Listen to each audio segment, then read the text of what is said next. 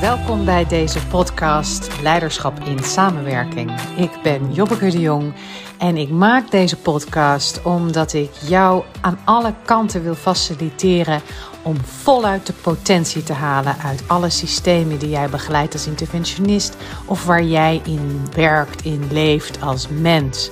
Met deze podcast hoop ik je allerlei invalshoeken, perspectieven, verhalen, gebeurtenissen, theoretische inzichten, alles aan te reiken om je dagdagelijks te helpen zo naar systemen te kijken dat je ook weet wat je moet doen om er het beste uit te halen. Hey hallo en welkom bij de volgende aflevering van de podcast Leiderschap in Samenwerking. En ik wil het graag deze week hebben over reality. De realiteit. In samenwerking natuurlijk. Dus we gaan even naar een organisatiecontext. Stel je voor, het is woensdagmorgen. En het team, doe maar een team, heeft een meeting met elkaar. En op de agenda staat een besluitvormingsstuk over een topic dat ergens in de komende maanden ook uitgevoerd moet worden. En wat gebeurt er? Mensen gaan aan de slag, er zit veel energie op, er wordt veel gesproken en het gesprek waaiert uit naar een ander topic. Een aanpalend topic of een totaal ander topic. En waaiert vanuit daaruit naar nog weer een ander topic. En voor je het weet is de vergadering rond en is er geen besluit genomen over het topic waar een besluit over genomen moest worden. Maar is er wel heel erg onderzocht in aangrenzende gebieden en gesproken en gedeeld. En hebben mensen gedeeld hoe zij het zien. En ja, het, en het zit niet lekker. Want het hele team weet, we hebben geen beslissing genomen over waar we een besluit over hadden moeten nemen.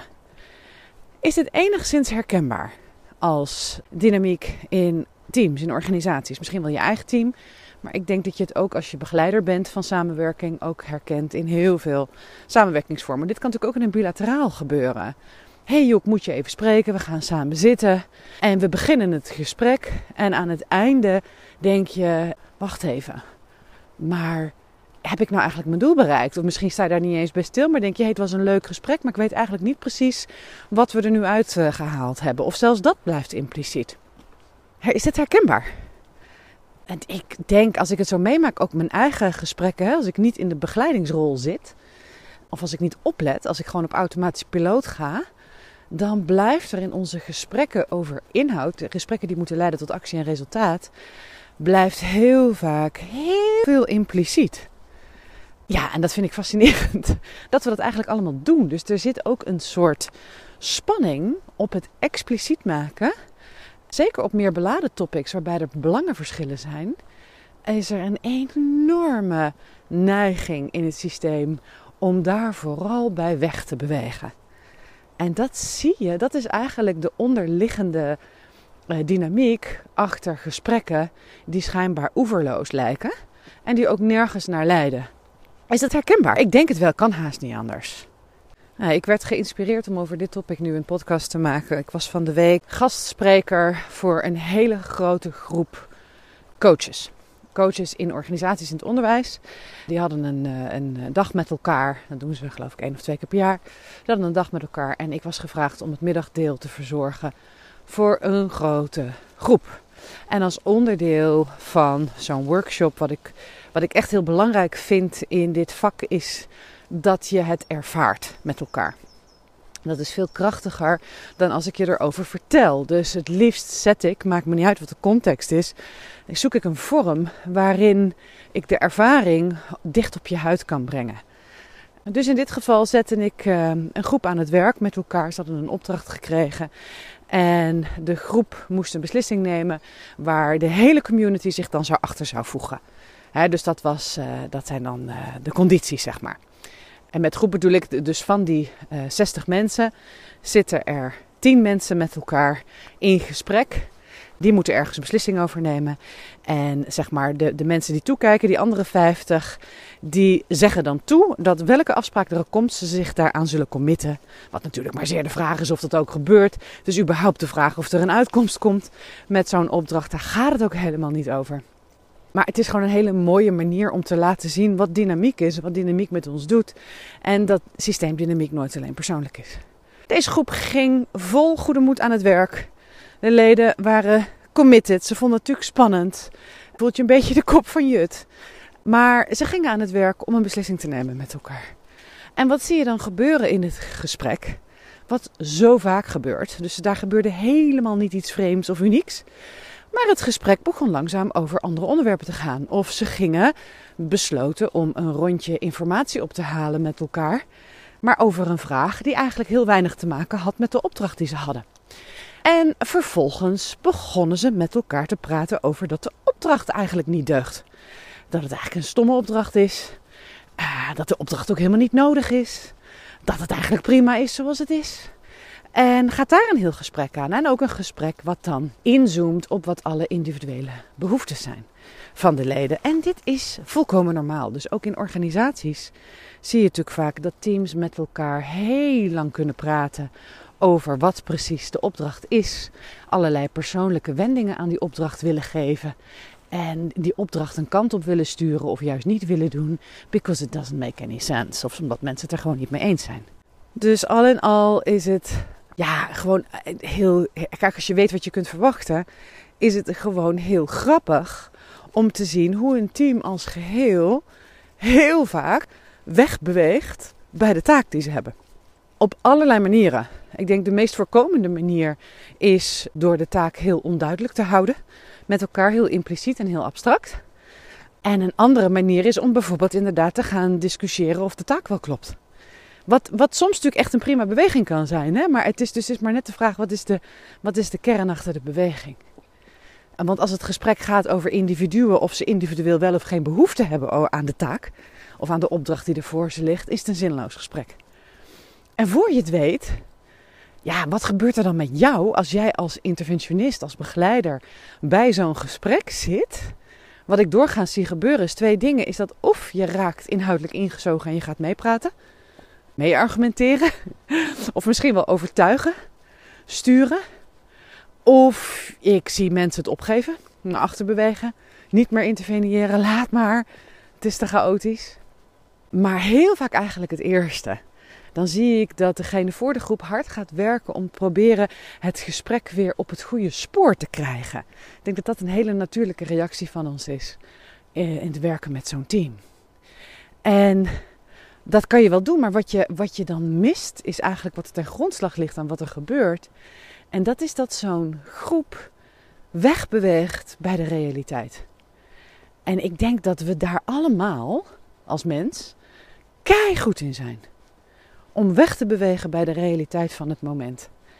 En het hoort ook bij de fase van ontwikkeling waarin bijna alle teams en samenwerkingsverbanden in organisaties in zitten. En dat is gewoon in de eerste fase van ontwikkeling. En onderdeel, kenmerk van die eerste fase van ontwikkeling is een vlucht weg bij de realiteit. Dus in plaats van verbolgen te zijn over een team dat zich niet aan de opdracht houdt, of dat vaag blijft, of dat niet tot besluiten komt, of dat. Hè, dat is eigenlijk volkomen normaal, dat kan je verwachten. Daar kan je wel verbolgen over zijn, maar ja, dat heeft niet zo heel veel zin, want het is gewoon, het is gewoon normaal. Maar je kan het gedrag zien als een beweging van het team weg bij de realiteit waarin ze gewoon een opdracht met elkaar te doen hebben. En wat heel grappig was, de opdracht voor dit team van de week, waar ik je over vertelde, was om met elkaar een afspraak te maken die de kwaliteit van de dag voor alle deelnemers hoger zou maken. En het was een afspraak waar ook de deelnemers zich aan moesten houden, niet de leiding van de dag. En er was dat zo'n schroom in de groep, een hele grote schroom in de groep om afspraken te maken waar hun collega's zich aan zouden moeten houden, die uh, te sturend zou zijn. Dus er was een heel groot besef van de individuele behoeftes van de collega's.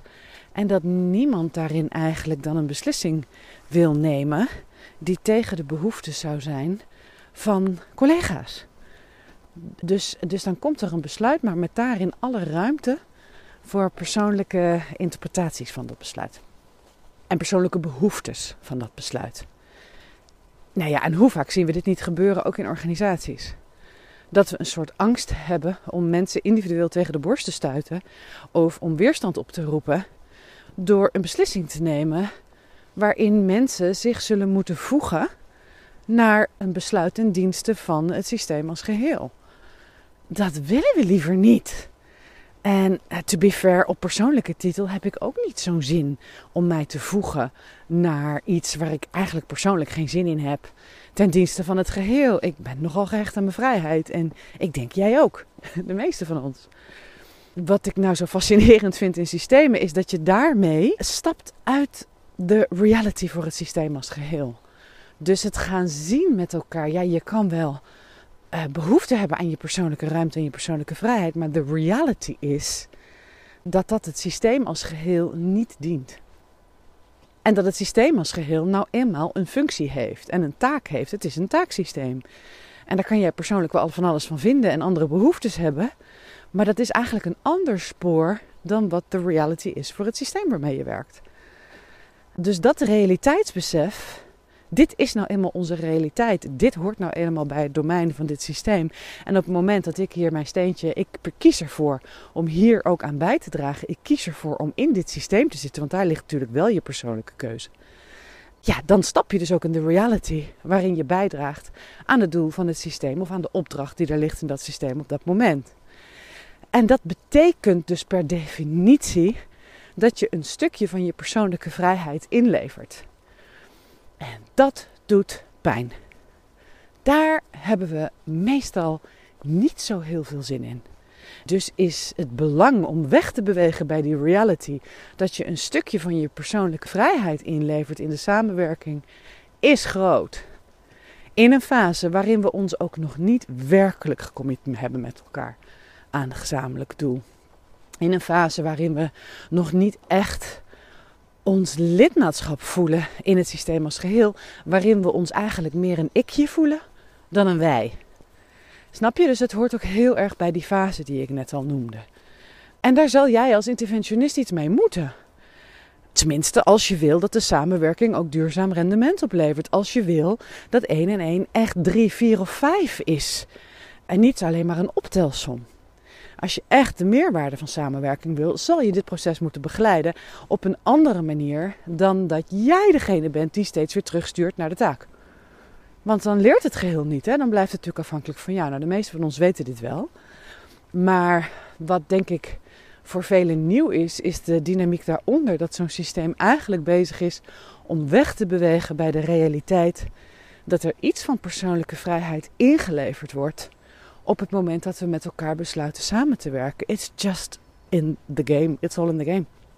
Wij als interventionisten, als wij het systeem kunnen helpen om realiteit in te brengen. En ik noem steeds persoonlijke vrijheid, maar het kan ook ander soort realiteit zijn waar een systeem heel veel baat bij heeft om dat in te brengen. bijvoorbeeld, ik moet denken, heel veel systemen praten in meningen over de realiteit worden er veel meningen gedeeld van leden over wat de reality is. Maar dat is nog iets anders dan wat de feitelijke realiteit is. Dus een, een systeem dat gaat zien dat er een verschil is tussen de meningen van de leden en, uh, en de feiten. Dat is een gigantisch verschil. Je stapt echt een nieuw domein binnen. Als je weet de impuls te beheersen om je mening te geven. En als je weet hoe je data, concrete informatie gebruikt als input voor je besluitvorming. Dat heeft allemaal te maken met die beweging naar de reality of de samenwerking. Best complex, denk ik. Hè? Je voelt zo dat er verschillende vlakken bij horen. Nou, dus de fase van systeemontwikkeling hoort er natuurlijk bij.